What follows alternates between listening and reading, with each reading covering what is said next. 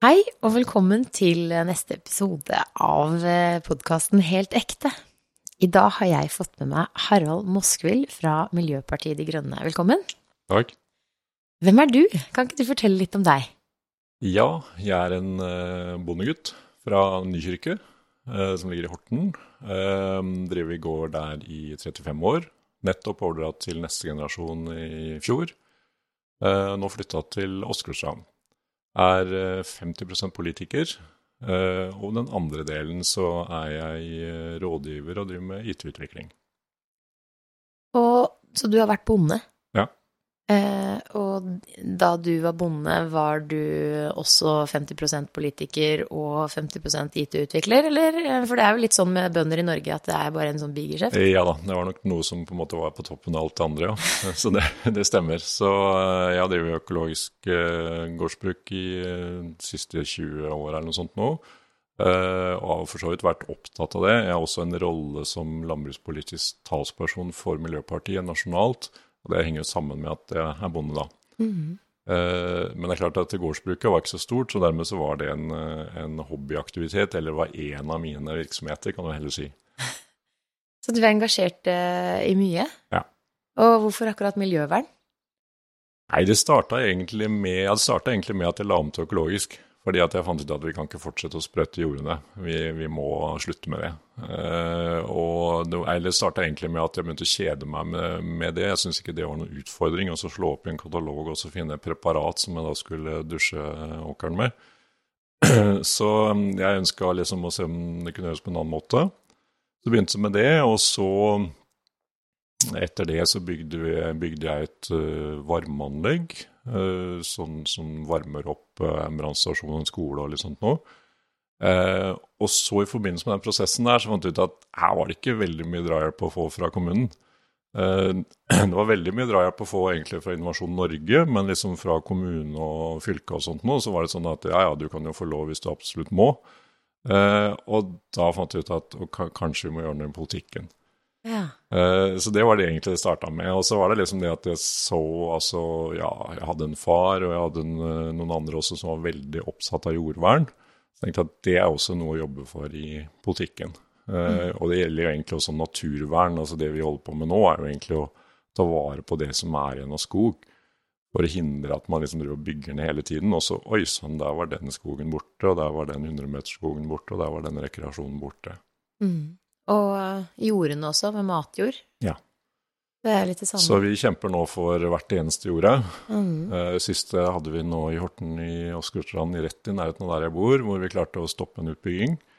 Uh, og det går rett og slett på at dette, den jorda trenger vi. Mm. Vi må dyrke mat på den.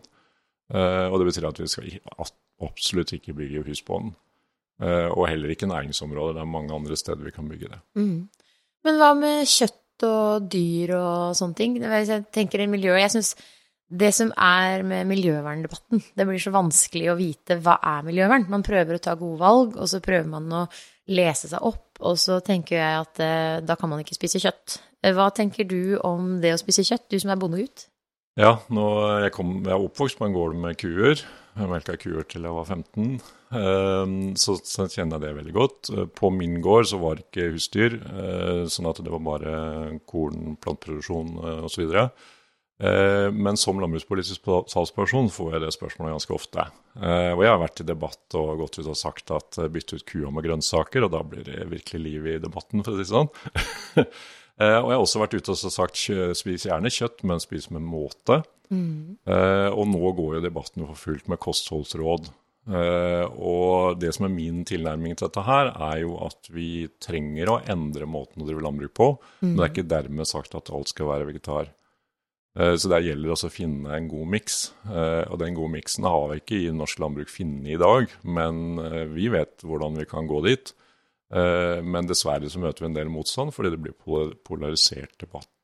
Og det tenker jeg også er den podkastformen, da, er så fin, fordi ja. man får litt mer nyansert blikk på på saken. For det er mm. ikke så enkelt at man enten skal kutte ut eller ikke kutte ut, eller Og jeg får besøk av Anne Lene i Anne Lenes Vegetar, som mm. også har vært mye ute i media med disse kostholdsrådene. Og hun er virkelig sånn oppgitt, fordi hver gang hun kommer i en avisoppslag, så blir det liksom en ytterpunkt av hennes meninger som fremmer liksom irritasjon og, Ja. og, og hets i kommentarfeltet, istedenfor å prøve å eh, at media tar den informasjonsrollen, da, som Ja. egentlig hadde vært så fint hvis de kunne gjøre. Så, så, så det var hva kan vi gjøre for å skjønne kostholdsrådene, sånn at vi kan bli friskere? Og hva kan vi gjøre for å, å finne balansen, sånn at eh, vi kan drive bærekraftig? Det hadde jeg vært interessert i i en sånn eh, debatt. Ja, altså det vi kan gjøre, eller som vi må gjøre, som er en sånn langsiktig greie, det er jo at folk må på en måte finne tilbake igjen til å forstå hvordan man dyrker mat.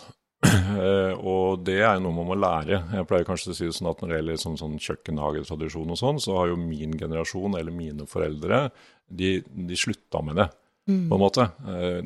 Mine besteforeldre så var det en selvfølge. Vi dyrker så mye mat som var mulig, både på hage og, og på jorder osv.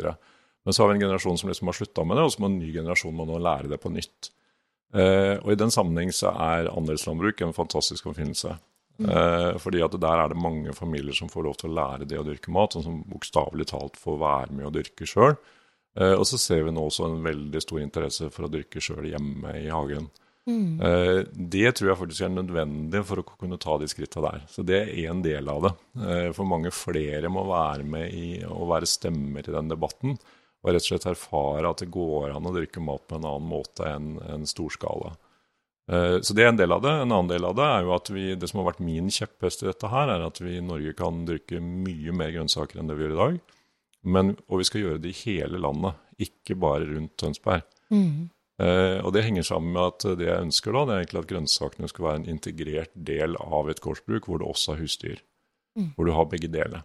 Eh, men det betyr at du må redusere antall husdyr for å bokstavelig talt få plass til grønnsakene eller få plass til andre vekster. Eh, både korn og grønnsaker, belgvekster osv. Så, videre.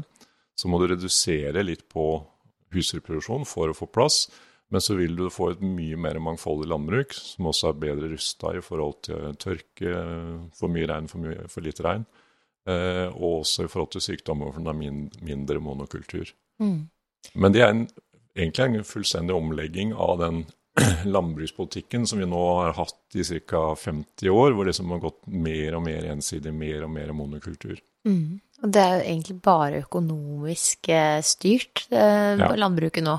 Eh, Fordi du må, for å få tjene noe penger, så må Ja. du ha det så stort, og så må du ha det så effektivt. Og så da Så det, det har vært en lang periode nå på ca. 50 år hvor liksom har gått i den retningen, og hvor eh, dette liksom var en ønsket politikk. Det er jo en, egentlig en industrialisering, som som vi ser i mange andre bransjer. Eh, men så er det at den går nå på kant med naturen, eh, og da er vi nødt til å snu den. Og Det er egentlig det vi holder på med i Miljøpartiet å prøve å fortelle, men så blir det sånn Nå skal vi stoppe all kjøttproduksjon. Liksom. Det er den fortellingen som kommer ut når media ønsker å ha klikk på sine artikler. Det var jo litt sånn da valget var i fjor, så var det da at dere skulle slutte all olje Da var det stopp på olja. Ja. Det var det som Kan du fortelle litt mer nyansert hva det egentlig handler om, hva at dere ønsker?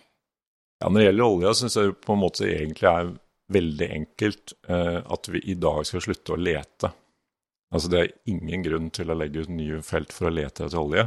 Eh, det burde på en måte være en sånn folkeopplysning. Altså FN har fortalt oss at olja må ligge. Eh, altså I prinsippet har vi funnet nok. Så det er kanskje det viktigste budskapet fra Miljøpartiet. Og det som skjer hvis man slutter å lete, det er at da frigjør man masse kompetanse og også kapital som kan begynne å lete etter fornybare løsninger. Det som skjer nå, er at når vi fortsetter å lete, så låser vi inne den kompetansen i en næring som vi vet vi skal slutte med. Eh, og det kan egentlig bli katastrofalt for norsk næringsliv. Eh, så det, det er kanskje den enkle oppskriften på det. Og når da oljeproduksjonen, liksom, hvilken dato den skal stoppe, det, det er på en måte egentlig ikke så interessant, for den kommer til å stoppe av seg sjøl av to grunner. Det ene er at man da går tom i de feltene som er påbegynt. Eh, Og det andre er at eh, prisen blir så ugunstig at man eh, rett og slett bare slutter.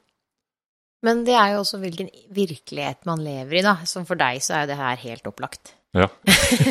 For pappaen min, vi har diskutert dette her ganske mange fram og tilbake, og det er helt naivt å tenke at vi, ikke kan, at vi kan klare oss uten olje, da. Det går jo ikke. Og da har man en virkelighetsoppfatning der man er låst i en tanke om at vi må ha så mye energi vi har i dag, vi må ha så mye som Og energien må vi jo få fra et sted. Hvor skal vi få energien fra da, hvis vi ikke har olje? Ja, altså Det er jo et veldig godt spørsmål. fordi at det som I den tankegangen da, så er det en sånn grunnleggende tankegang at vi skal fortsette å Eh, kjøre på høygir. Vi skal egentlig fortsette å vokse, altså økonomien skal vokse. Bokstavelig talt vi skal vokse, det er ikke så lurt når du er så stor som meg. Eh, men, men altså poenget er liksom at eh, det er liksom en sånn grunntanke at alt dette skal vokse. Mm. Og man har liksom laget seg en historie om at alt skal vokse inn i himmelen. Og så kan man da ta en liten titt på naturen og så se at det er ingen organisme i naturen som tåler å vokse med 3% per år. Den sprekker jo. Sånn at i forhold til energidebatten så tror jeg vi rett og slett er nødt til å begynne å tenke gjennom hva er det vi bruker energi til. Mm. Vi må rett og slett sette ned farta på livene våre. Eh, og sette ned farta på næringslivet, bokstavelig talt sette ned farta på bilene. Eh, paradokset er at nå har vi hatt en oljekrise i Europa. Eh, EU brukte ikke det mest effektive virkemidlet, som var det som kunne innføres på en times varsel. Og det var å sette ned fartsgrensen på alle motorveiene i EU. Det ville gitt en enorm reduksjon i oljeforbruket. Mm. Eh, nei, det var ingen som turte å foreslå det, kanskje. Jeg vet ikke. Eh, men det ville vært den mest nærliggende. Altså, Du hadde spart masse energi på det. Det er jo helt motsatt av det som skjer, for vi skal jo ha raskere motorveier, og vi skal, ja. alt skal ta kortere tid, og ting skal være mer effektivt og kostnadseffektivt ja. og lønnsomt og så det jeg er på en måte litt opptatt av i hele denne debatten her, er at vi på en måte må, vi må liksom stoppe opp og så må tenke oss om. Og så kan vi se kan vi faktisk istedenfor si at vi må lete etter ny energi. Det skal vi gjøre, og det, det finnes mange måter å kunne snakke mye om det. Men poenget mitt er egentlig at istedenfor å lete så veldig hardt, så skal vi liksom tenke oss om ok, kanskje vi kunne sette ned farta. Eh, og det som er ålreit med å snakke om å sette ned farta, er at det går rett inn i livene våre. Eh, så det handler liksom om å, å, ta fram sykkelen og sykle på jobb og nyte det å sykle på jobb, istedenfor å tenke at det tar ti minutter lenger. Eh, eller sammen med bussen. Altså det tar ti minutter eller kvarter lenger, og det er et problem, istedenfor å se det som en mulighet. Da. Og der begynner vi å gå liksom inn på emnet som jeg har invitert deg hit for. Ja, det er fint. Fordi eh, denne sesongen av Helt ekte handler om inkludering. Og jeg mener jo at disse tingene i, i, måten vi lever på, er jo en tanke vi har om en vane vi har eh, adoptert fra vi har gått på skolen, så skal vi prestere, og vi skal være effektive, og vi skal gjøre ting som måles i enten karakterer eller eh, det med prestasjoner, og hvor gode vi er. Og seinere, når vi kommer ut i arbeidslivet, så handler det om hvor vellykka vi er i forhold til hvor mye penger vi tjener, og hvor effektive og hvor mye vi produserer. Og jeg har også prata med politikere som da snakker om vekst, og det er ingenting som er vellykka med mindre man har vekst. Og da har jeg også sittet og tenkt hvor mye skal vi vokse? Og jeg var på båttur med morfaren min da jeg var liten. Og vi hadde en sånn liten sånn pioner, en sånn gul plastikkjolle med ja. en sånn to hester bakpå. Og jeg har jo likt at ting går litt sånn fort og spennende, men den gikk veldig sakte. Og da husker jeg at morfaren min satt der og da men hvorfor skal det gå så fort? og den kommentaren da ute på det fine var på sjøen, og da tenker jeg noen ganger i livet når ting går så fort, at det er det ikke fint at livet kan leves litt saktere. Og da er det jo igjen på psykologi, som jeg er så opptatt av, og det å se innover i hva er det som gjør oss fornøyd, og hva gjør at vi har gode liv. Og hvis vi igjen kan se det at vi kan ha glede av å sykle til jobben, eh, og puste, slappe av. Det er vist helsemessig, da, at dette er en god helsemessig effekt. Vi blir faktisk friskere av det. Og, og hvis vi kan begynne å se det at ja, jeg trenger kanskje ikke å kjøpe noe nytt for å føle velvære. Jeg kan kanskje se litt inn i meg selv og kanskje gi meg hvilerom eller pusterom for å få det litt bedre, istedenfor å kjøpe noe nytt. Så jeg tror så innmari på psykologien for at vi skal også kunne endre miljøet. Mm. Så, og da er jo også at inkludering er jo uh, på neste års agenda for Miljøpartiet De Grønne. Kan du fortelle litt om hva du tenker om uh, hvorfor det er viktig for dere? Det vi tenker, er det vi kanskje, kanskje vi kan ta en parallell til uh, Frankrike disse dager. Vi ser jo et Frankrike som, som er, hvor det er opptøyer. Uh, og det handler vel kanskje om problemet med integrering. Det betyr at det at vi har fått et mye mer mangfoldig samfunn, eh, mange etnisiteter, eh, det må vi snu til en mulighet istedenfor et problem. Eh, og det som jeg ser på da som muligheten, det er jo egentlig at det vi, vi må klare, se om vi kan klare oss å integrere på en sånn måte at vi lærer av de som har flytta til landet vårt, istedenfor at vi skal lære dem å bli norske, som man noen ganger har følelsen at man prøver på, eh, så har vi veldig mye å lære faktisk også på bærekraft. For det vi ser, er at en del av innvandrerne er mye bedre til å lage mat, bokstavelig talt fra bunnen av. Eh, mye bedre til å ha et variert eh, kosthold eller variert antall planter, som vi også kan dyrke i Norge. Og vi ser også på kultur. Altså hvis man legger litt merke til etnisiteten til en del av de som utøver kulturen i Norge i dag, så er det utrolig mye spennende, og utrolig mange som ikke er det vi vil kalle etnisk norske. Mm. Eh, og det er en ekstrem kvalitet, så vi må heie på for alt hun har vært. Eh, og det Sånn at det handler egentlig om å liksom lære istedenfor å belære, da. Mm. Og eh, det er igjen med når vi ser at det kanskje skurrer litt i samfunnet vårt med at det er ganske mye som er feil, så tenker vi at vi skal lære barna våre å passe inn i det samfunnet som åpenbart er feil, istedenfor å kanskje mm. Så kanskje vi ikke skal korrigere barna så veldig, men kanskje inspirere de og bli inspirert av barna våre også, for de er idérike og fine og har mye fint ved seg, hvis ikke vi bare putter det inn i den form, altså. Ja da, vi er, vi er flinke til det. Prøver å putte det inn i en form, og det liksom tenker at det ikke passer. Og det er jo også en, en del av de vi jobber med i, eh, i skolen, altså Miljøpartiet, både eh, kommunene da, på, på barneskole- og ungdomsskolenivå, men jeg har jo vært jeg er jo fylkespolitiker, mm. Eh, og da er det den videregående skolen. Og da er det liksom spørsmålet om å passe inn i skolen. Og da er jo vi liksom opptatt av at Nei, det er ikke sikkert den skal passe inn i skolen. Det kan hende det er skolen som må tilpasse seg eleven. Mm. Eh, for det er klart at det er, eh, det er mange eller altså, En del av skolen blir gjort unødvendig teoretisk, eller den blir gjort teoretisk for alle. Eh, og så passer ikke det. Og i en del tilfeller, det gjelder kanskje særlig gutter, så er det litt sånn at det passer ikke nå. Men det kan hende det passer litt seinere i livet. Da mm. kan du være mottakelig for den teoretiske opplæringen. Men akkurat nå passer det ikke, og da, da er det kanskje skolen det er noe gærent med. Mm. Så, så, det der er et kjempeområde. Mm. Eh, og det handler jo også om integrering, for det er klart det er enda vanskeligere å passe inn i den skolen hvis du har en helt annen kultur, kulturbakgrunn. Mm. Og du snakker jo om integrering, men jeg tenker jo også inkludering med, med, de som ikke passer inn i dag, som faller utenfor, og seinere med rus og jeg prata jo med ei fra mm, Kirkens Bymisjon. Der har de eh, mange prosjekter for å hjelpe de som faller utenfor, da. Og det de ser gjerne er fellesnevneren på de som faller utenfor, er at det er kanskje følsomme, kreative mm. eh, mennesker. Og, og, de mange følsomme, kreative mennesker med masse ressurser, de klarer seg jo kjempebra i samfunnet. Ja, ja. Mens de kreative, følsomme menneskene med litt mer ustø oppvekst, eh, og litt mer utrygg eh, tilknytning til omsorgspersoner fra de er små, der har vi mye å gå på for å fange opp disse her litt tidligere i skolen. Og det å tilby da f.eks.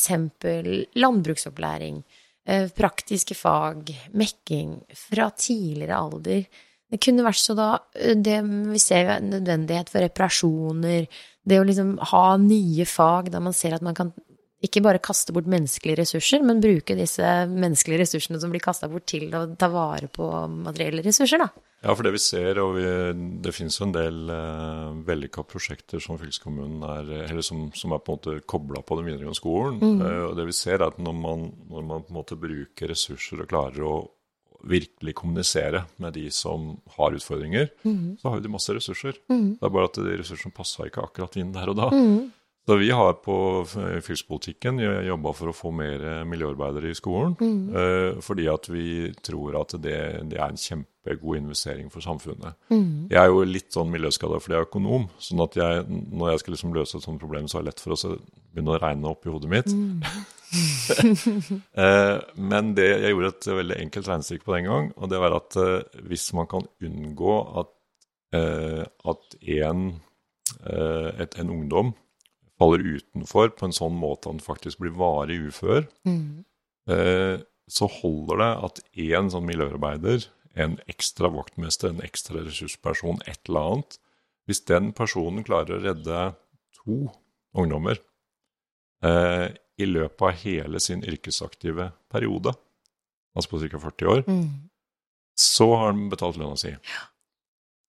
Og det er jo noe man ser også på hvor mange som er utbrent. Og det her er jo de som faller helt utenfor. Ja. Men eh, Det er mange imellom, ja. antall 40-åringer eh, som eh, faller utenfor på, eller sykepenger betalt ut for eh, utbrenthet. Mm. Det er også hva kunne man gjort i skolen for å lære mer om hva som en selv eh, brenner for, sånn at man kan mer eh, forstå hva en selv vil, da, og ikke bare prestere for å gjøre noe som er Altså, bra for andre. jeg ba jo fylkesadministrasjonen om å prøve å regne ut hva, det, hva de brukte av ressurser på de som falt utenfor Mm. i videregående skole.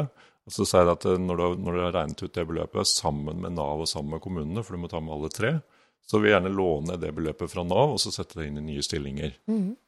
Eh, og så sa jeg det ble veldig vanskelig å regne ut. Men jeg, men jeg har fortsatt ikke gitt meg, jeg skal prøve igjen. Ja, men det er jo sånn, jeg at det er sånn politikken fungerer. Du Ja. må jo ha en sum på det, og den måten du beskriver det der, det er jo reelle, reelle tall. Ja. Ja, og det som, Men det som er feilen som vi gjør i samfunnet, da, det er at vi tror at vi fikser det med å lage sånne båser. Sånn at nei, vi kan, det, det der er det kommunen som har ansvaret for, og det er det Nav som har ansvaret. Og den regningen som kommer på den, de to unge uføre som vi snakket om, den får jo Nav. For, men Nav får jo den da for resten av livet. Eh, mens eh, de ressursene som da ligger Eller det vi egentlig er opptatt av, da, det er jo egentlig ressurser rundt eleven. Altså vi forutsetter på en måte at eh, vi har lærerkapasitet til, til selve undervisningen, men vi trenger folk rundt. Og det vi også kunne gjort, da, at vi ikke ser regnestykket til Nav kontra de andre, men at vi ser Ja. Prosjekt Norge, og så vi at eh, folk skal ha det bra, istedenfor Ja. at eh, de enkelte instansene trenger å konkurrere om budsjetter, men heller at vi skal prøve å få det bedre. Så her er det masse, masse muligheter, men, men eh, liksom samfunnet vårt er veldig sånn sektorinndelt, og, og det gjør at vi, vi gjør masse feil. Eh, og vi kunne ha gjort det på en annen måte. Men det, det er et eksempel på motivasjon for å fortsette å være politiker. Og en annen ting som du nevnte for meg med kultur, en av de forbrukstingene som er sånn opplagt forurensende, er jo hvis vi skal dra til London for å gå på konsert, f.eks. Og det er, sånn, det er mye sånn politiske tiltak man kan gjøre for at det kan bli veldig gode konsertopplevelser, f.eks. her i Tønsberg. Ja, vi ser jo Innenfor kultur så ser vi jo veldig mye spennende på musikkartistfronten i Norge. Altså veldig mange unge artister som kommer, eh, kommer opp, som du på en måte ser i, eh, på Idol og forskjellige Voice osv. De skulle vi kanskje gjerne ha gitt enda mer arenaer lokalt. Sånn at vi på en måte eh, Vi voksne også, men jeg har kanskje en kjepphest for for de yngste, altså tenåringsungdommene, at de, altså de også kunne på en måte oppleve konsertopplevelser lokalt. Eh, Men, men det gjelder egentlig alle. altså at Istedenfor å gå etter det ultimate, som er et eller annet sted i verden, hvor du da i prinsippet kan reise så langt som du vil fordi, for å få det ultimate, og så glemmer man at denne konserten foregikk egentlig i Tønsberg i forrige uke, men der var du ikke. For å si det sånn. Og også det der med å få Vi er jo opplagt at ja, men vi må bare ha det beste. Vi må gå på de beste Ja. konsertene med de som allerede er kjente. Men det der med nysgjerrighet og utvikling og hvis man klarer å se at eh, politikerne også gir støtte til de som er up and coming, før de blir så store. Og hvis de da, men det er jo ganske mange store artister som får tilskudd og, fordi de allerede er store. Men hva om vi kunne snudd litt på det og gitt eh, støtte til andre og ressurser, eksempel etter skoletilbud, da, som kunne hatt bandopplæring eller rekruttere og liksom få Ja, Der ser vi jo at det liksom, kanskje det første som blir kutta i en kommune da, eh, Nå skal jeg ikke si at jeg har sjekka alle kommunene i Vestfold og hva de har gjort, men liksom erfaringsmessig så går, for, går, eh, går eh, ungdomsklubben veldig tidlig. Altså den blir kutta. Det er helt feil. Altså det, er liksom, det burde vært den siste. Fordi at eh, det, er, eh, det er der du legger grunnlaget. Eh, Og det som, er, det som er unikt med kultur, er jo egentlig at det er jo det å få lov til å utøve sjøl, altså være en del av det, som er så verdifullt. Og vi jobber litt nå i Miljøpartiet og ser liksom hvordan kan vi utvide også kulturbegrepet. Jeg har sett litt på hva Bodø gjør. Bodø er jo da kulturhovedstad, europeisk kulturhovedstad neste år. Eh, de har f.eks. Eh, kulturtiltak nå som går på, på eh, håndverk, altså lære seg håndverk. Treskjæring, lærerarbeider, som egentlig da leder veldig fort over til reparasjoner. Mm. De har kulturinnslag som går på mat, lære seg å, å bygge, altså lage mat fra bunnen av, og også dyrking som på en måte også en del av kulturen. Mm. Eh, og matkultur er fryktelig spennende. Mm. Eh, sånn at det, det, jeg egentlig er ute etter, er jo også å se om vi, altså vi ønsker på fylkesnivå å bruke mer penger på kultur, fordi det også er bærekraft. Mm. Eh, og det er inkludering, og det er så mye. Mm. sånn at det vil være et eksempel på at der kan vi investere penger og få veldig mye mer igjen for det mm. enn en, en del andre sammenhenger. Og, og, da er det liksom spørsmål om å se om vi kan utvide kulturen sånn at den favner mange flere, at mange flere får lov til å være, å, være med å utøve, da. For min, eh, min, tanke om kultur fra jeg vokste opp, så er det et sånn no, for noen andre. Det er ikke ja. for meg. Fordi det er hva er kultur? Det er liksom noe som er riktig. Hva er det som er bra musikk? Hva er det som er fine bilder? Jeg har ikke peiling på kunst. Det er liksom for noen andre. Mm. Mens kultur gjelder jo egentlig alle. Og den der kreativiteten vi har i oss. Jeg har aldri tenkt at jeg er kreativ, før jeg skjønte at jeg leita innover og så at ja, kanskje ord og alle disse syke tankene jeg har oppi hodet mitt, kan være bærekraftig for noe, da. Det er det som er kreativiteten. så hvis man ser at ja, jeg er faktisk ganske uh, Det med samtale, samtaleform, det også er jo på en måte en del av uh, det jeg kan bidra med. Ja, og det, nå gjør du dette digitalt, men mm. det kunne jo gjerne også gjort uh, mer eh, fysisk. Ja. Uh, sånn at det er jo også et spørsmål om liksom, når det gjelder kulturarrangement, da, hvordan kan man klare liksom å uh, det som vi normalt kaller for tilhørere, til å være deltakere. da. Mm. så der er det masse spennende. Ja. men her er vi jo kanskje litt sånn nybrottsarbeid, for vi er tilhørere mm. veldig mye. Mm. Vi hadde et sånn filosofisk hageselskap i går. Okay. Eh, og da Jeg hadde det i fjor, og da var det Jeg leste 'Sofies verden' av Jostein Gaarder. Har du lest ja. Og da slutta jo den boka med at uh, Sofie ble 13 år og hadde et filosofisk hageselskap. Det skjedde Øy, veldig mye snedig i det selskapet. Det er ikke like mye action her. Men, men uh, da var det så mange forskjellige personer med forskjellige syn på verden, da. Mm. Og som hun ene observerte, at hun blei jo veldig provosert av at andre kunne ha meninger som var så kontroversielle. Ja. Men så var det også veldig spennende å se at det var så mange måter å se verden på. For de var jo ikke dumme, de som sa disse andre tingene. De var bare helt andre, annet syn å se på det enn det hun gjorde. Ja. Og det som var så fint med det selskapet også, var at vi hadde en sånn fin samtale. Det var jo ikke noen som hissa hverandre opp, eller hissa seg opp, eller prøvde å omvende den andres meninger. Vi bare observerte og lytta og prøvde å sette oss inn i og forstå.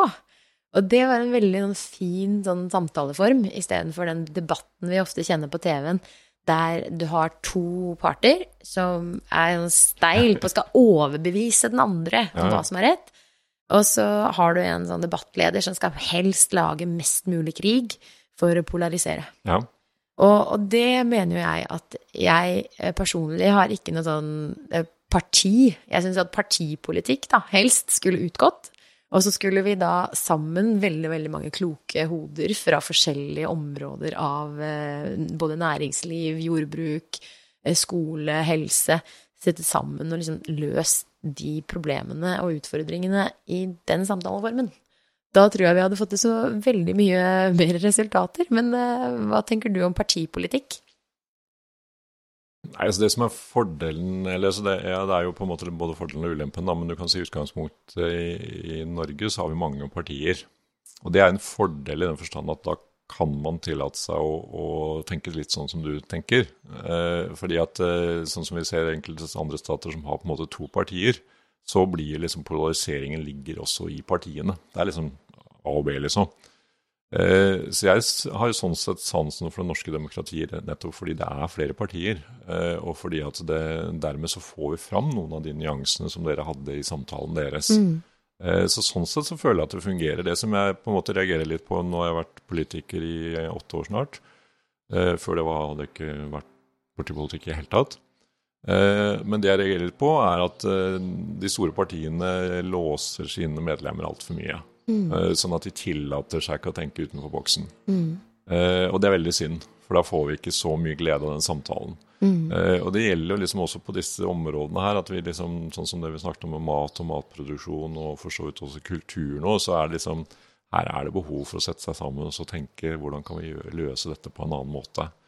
Eh, og da er, det jo, da er vi egentlig ute etter at alle politikerne skal si, tenke sjøl. Eh, og ikke da liksom at nei, dette var det, noen, det var noen som har lest papirene her, så de har bestemt for hele gruppa. Eh, heldigvis er det ikke sånn i Miljøpartiet. Vi kan tenke sjøl. Det heier jeg på.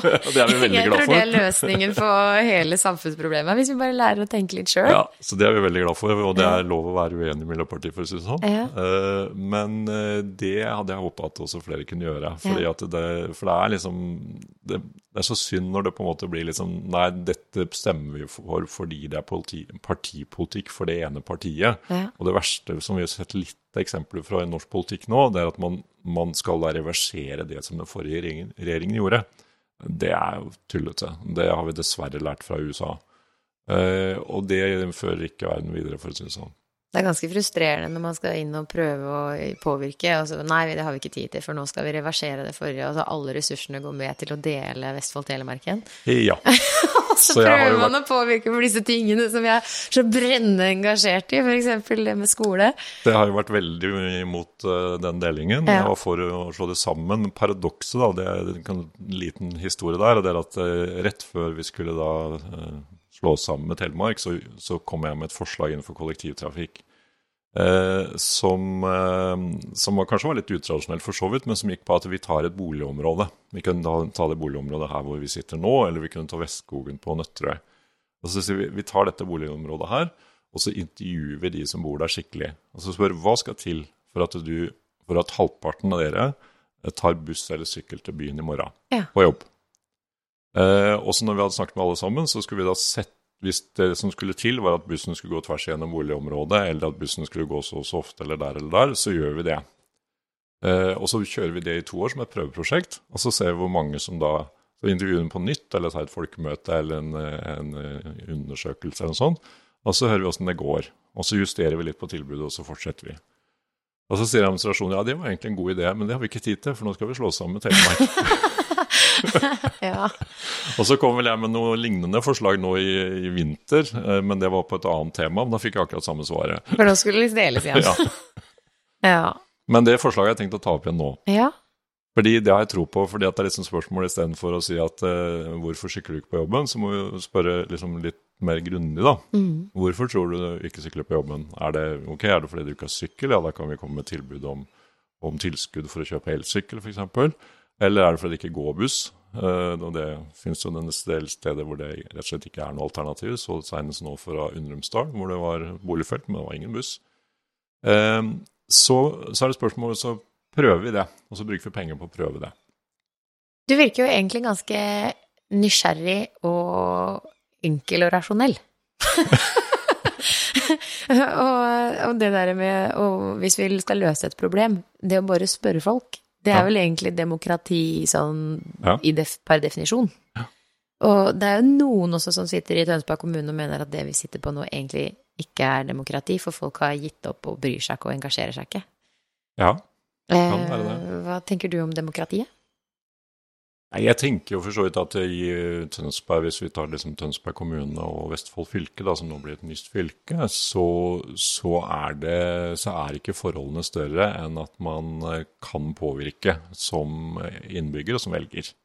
Sånn at jeg har absolutt ikke gitt opp demokratiet på noen av de to stedene, fordi at det er mulig. Eh, Jeg var jo veldig i tvil om det sjøl når jeg kom inn i Vestfold for åtte år siden som én representant.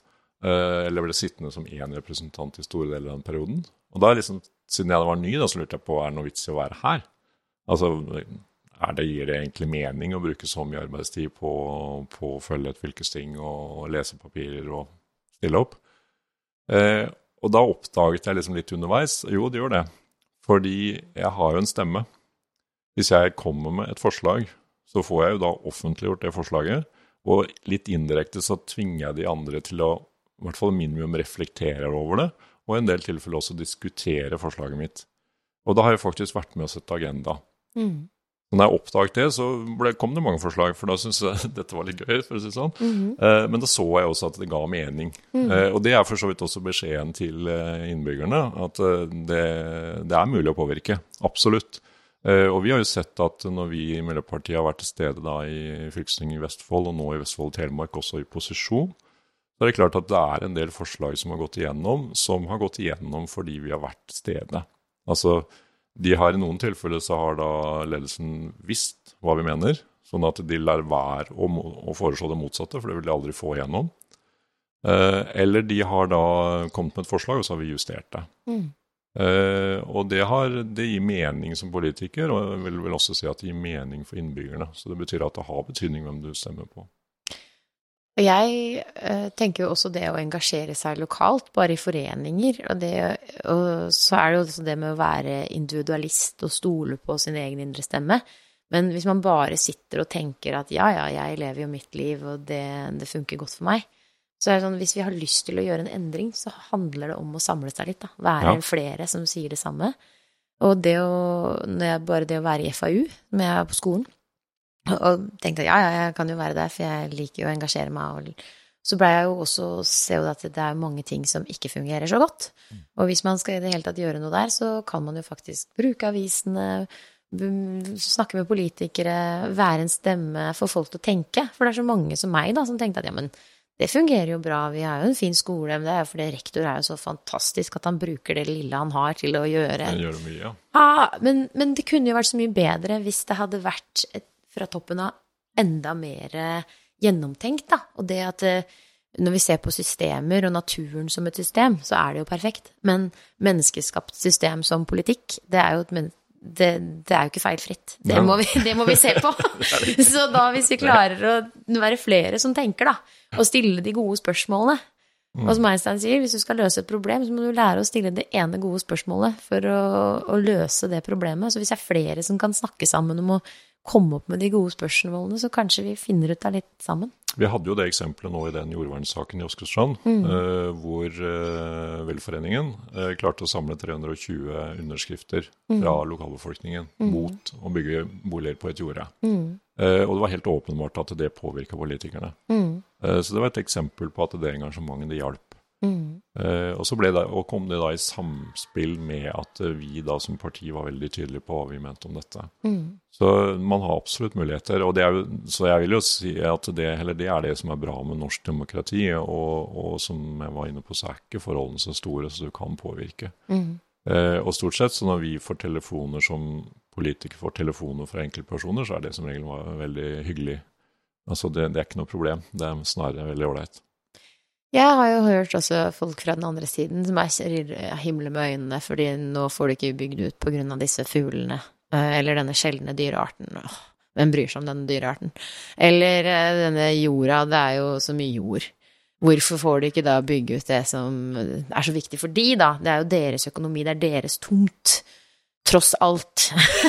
og da tenker jeg, ja, skal jeg jatte med, eller skal jeg stille spørsmål om jeg forstår jo deg og din frustrasjon, men hva med dette som har, har vært her i alle år? Hva er det som er grunnen til at du har mer rett på dette enn denne fuglen? Hvem er det som sitter på fasiten her? Det er litt sånn eh, Det noe av grunnen til at de Noe av grunnen til at Altså, det er selvfølgelig penger som styrer det, som gjør at de, de skal tjene penger på dette her. Men så har de nok kanskje heller ikke Sist gang de var borte i naturen, for å si sånn, eh, gikk tur i naturen eller hva de gjorde, så er det ikke sikkert de tok seg tid til å sette seg ned. Altså observere. Eh, Jeg tok en tur til eh, Det er en gammel sånn mølledam, egentlig, i Åsgårdstrand, eller sør for Åsgårdstrand, som vi tok en tur til nå på våren. Og da eh, satte vi oss bokstavelig talt ned. Det vi da observerte, var jo eh, rumpetroll eller egg som lå på overflata. Eh, og da fant vi ut at ok, her må vi tilbake igjen og se når de, når de klekkes. Eh, og da var det Jeg har ikke peiling på hvor mange det var. Altså 100 000, liksom. Det, det var bare liksom Det rørte på seg alt sammen. Vi skjønte ikke egentlig helt hva det var, for vi så bare at vannet rørte på seg. Eh, det var en par uker etterpå. Eh, men det som vi observerte, da, det er at eh, akkurat forbi det punktet Dette er en del av kystsiden som ligger eh, eh, rett sør for Sjushan. Og der er det sånn at de som løp forbi, de så jo ikke det som var nedi det vannet der. De fikk jo ikke med seg at det var noe frosk i det vannet. Gjorde ikke det. Eh, så, eh, og så tok vi med oss barnebarna dit eh, for oss å se på det. Eh, og det var jo kjempegøy, for det kravla overalt. Eh, og så har vi tatt en tur til nå, og nå er det ikke vann der. Mm. Eh, sånn at det er rett og slett for lite vann til å være frosk. Mm. Det var noen få igjen som da fortsatte, og som eh, hadde overlevd, hvor de andre har ikke peiling. Men liksom den, det å følge, og da har vi fulgt den, denne utviklingen over uh, seks uker eller noe sånt. Uh, men jeg tror nok veldig mange i samfunnet de, de er, har ikke gjort det. Altså De ser på skogen sånn utenfra, og så er det jo der noen trær, og de kan vi jo flytte litt på, liksom. Eller kan ta de vekk, og så kan vi plante litt i hagen etter at vi har bygd huset, eller et eller annet. Eh, Så det er noe med den opplevelsen. Mm. Men det som er svaret til den utbyggeren med det si, offisielle politikersvaret, det er at det, det fins arealer. Du må bare lete litt mer. Mm. Det fins. De er allerede eh, grå.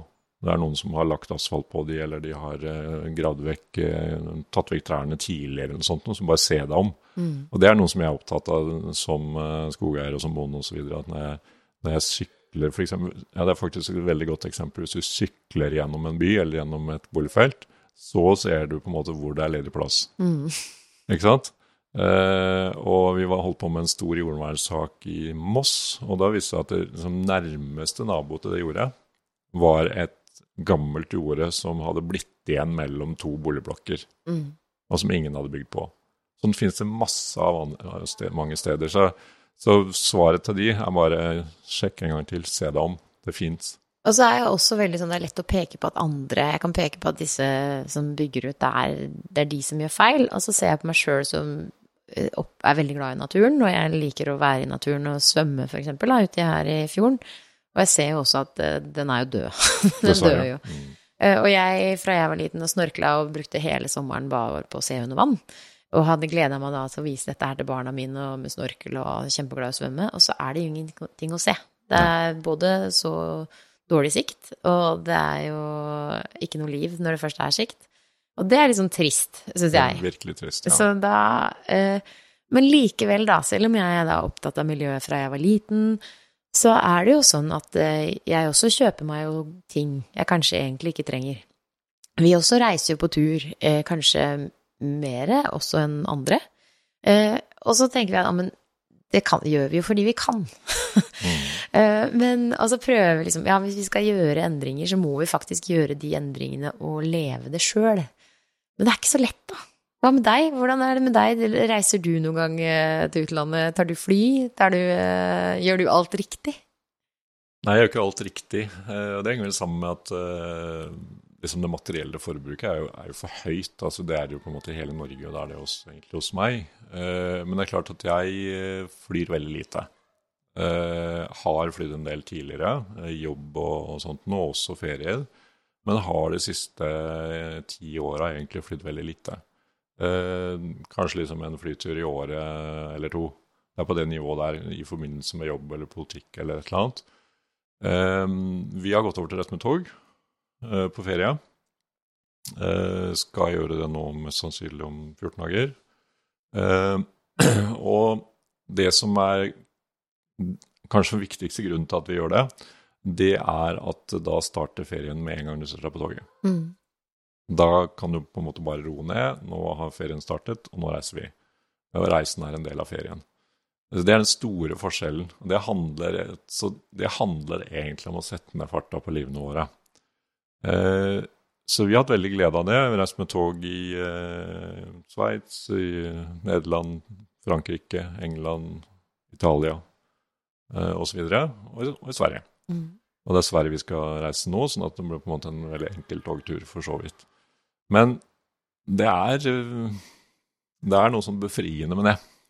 Fordi at da Ok, vi, vi, vi bare setter oss om bord, og, så- og så går det av gårde. Og så, og så er, det, er det liksom Du starter med en gang. Du har ikke den stressituasjonen med flyplasser og køer og osv. Så, videre. så vi har hatt veldig mye glede av det. Så det er en del, av det. Nå, også en annen del er jo rett og slett å bruke sykkel så mye som mulig. Det er ikke sånn at jeg sykler hele året, egentlig. Det kan hende vi kan komme dit også, men, men prøver å liksom uh, strekke sesongen så langt som mulig. Så liksom uh, april til oktober eller noe sånt. Uh, og trives med det. Og det jeg ser, da, det er egentlig at det tar ikke så veldig mye lengre tid, men, men, du får mye bonus på kjøpet. Mm. Både helse og, og, det å på en måte oppleve naturen. Og, mm. og så er det en annen ting som jeg også opplevde med både for sykkel, men kanskje enda mer med kollektiv, det er at du, du blir en del av byen når du tar kollektiv. Fordi at du Jeg pleier å si sånn at hvis du, er, hvis du prøver å Hvis du liksom helst vil kontrollere hvilke mennesker du møter, så skaffer du deg en bil, og så starter du inne i garasjen, og så kjører du til arbeidsplassen din. Da er du helt sikker på hvem du kommer til å møte. Du møter de du møtte i går, det er de du jobber sammen med. Ingen andre. ikke sant? Men hvis du tar kollektiv, så er du en del av byen. Mm. Det fascinerer meg litt. Uh, du liksom For det som skjer når du tar kollektiv, er som regel så må du gå eh, på slutten av reisen fram til dit du skal.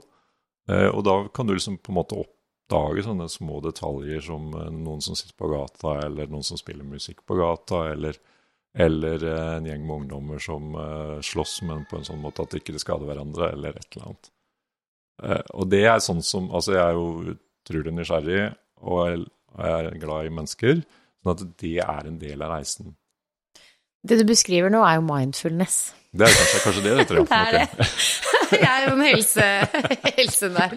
Jeg går jo liksom på cellenivå, jeg ser jo alt ja. i sammenheng. men men eh, det som eh, da er svaret på veldig mange som er stressa og blir syke, det er hva kan man gjøre for å bli friskere og ikke være stressa? Det er rett og slett å bare se de små tingene i hverdagen. Mm. Leve nå, og ikke bare vente til det som skal skje, for så å bli litt sånn skuffa over at det ikke blei så perfekt som det du hadde håpa det skulle bli. Mm. Eller bare jobbe hele livet, spare opp til pensjonstilværelsen, og så døde du. Ja. Men det er liksom det der med eh, det du beskriver å være en del av verden, da. Og ikke bare ja. være en del av arbeidsplassen din eller den familien som du, du, har, men faktisk at vi er en del av samfunnet. Vi er en del av uh, hverandres liv. Ja, og så handler det også om å se mennesker. Mm. Uh, sånn at det, det, er også noe man gjør da man på en måte er en del av det. Altså hilse på folk. Uh, altså sånn liten by som Åsgårdstrand, så er det jo liksom på en måte greit. Der hilser vi på folk. Mm. Uh, men jeg kan finne på å gjøre det også andre steder. for det er noe med å se mennesket. Mm. og det så, så, det handler egentlig på en måte om mer å være til stede. Men mm. så handler det da om på en måte å sette ned tempoet slik at du rekker å observere. Mm. Eh, og det gjelder da både i naturen og i byen og på sykkelturen. Mm. Ensomhet er jo også de tinga som mange i samfunnet sliter med. Mm. Og hvis flere da hadde sett hverandre på veien, for eksempel, ja. så, og kanskje snakka med hverandre, eller spurt, eller bare smilt, ja. så hadde vi jo kanskje også blitt litt friskere. Eh, det er faktisk det grunnen til at jeg på en måte tenker på at å se hverandre, er faktisk en historie fra Karl Johan. Mm. Jeg gikk oppover Karl Johan en morgen hadde kommet inn med toget, og så kommer det en eh, Så ser jeg en som står på gata og tigger om penger. Eventuelt om han selger Oslo-magasinet. Og så plutselig så ser jeg et stort smil i ansiktet på den personen. Jeg skjønte ikke helt, fordi jeg var så nære at jeg trodde han smilte til meg. Eh, men jeg hadde, jeg hadde, ikke på en måte fått noe øyekontakt eller hadde ikke gjort noe forsøk på å forholde meg til den personen i hele tatt. Jeg bare så, så personen. Uh, og så viser det seg at det er en som går ved siden av meg, eller som kommer på vei opp ved siden av meg, som smiler. Mm. Uh, og så ser jeg bare at disse to utveksler en eller annen uh, hilsen. Eller slår hverandre på, slår på skuldra eller et eller annet. Jeg tror ikke han ga ham penger, det tror jeg ikke han rakk, fordi at det gikk så fort for, forbi, liksom. men det var sånn skikkelig vekker for meg. Mm.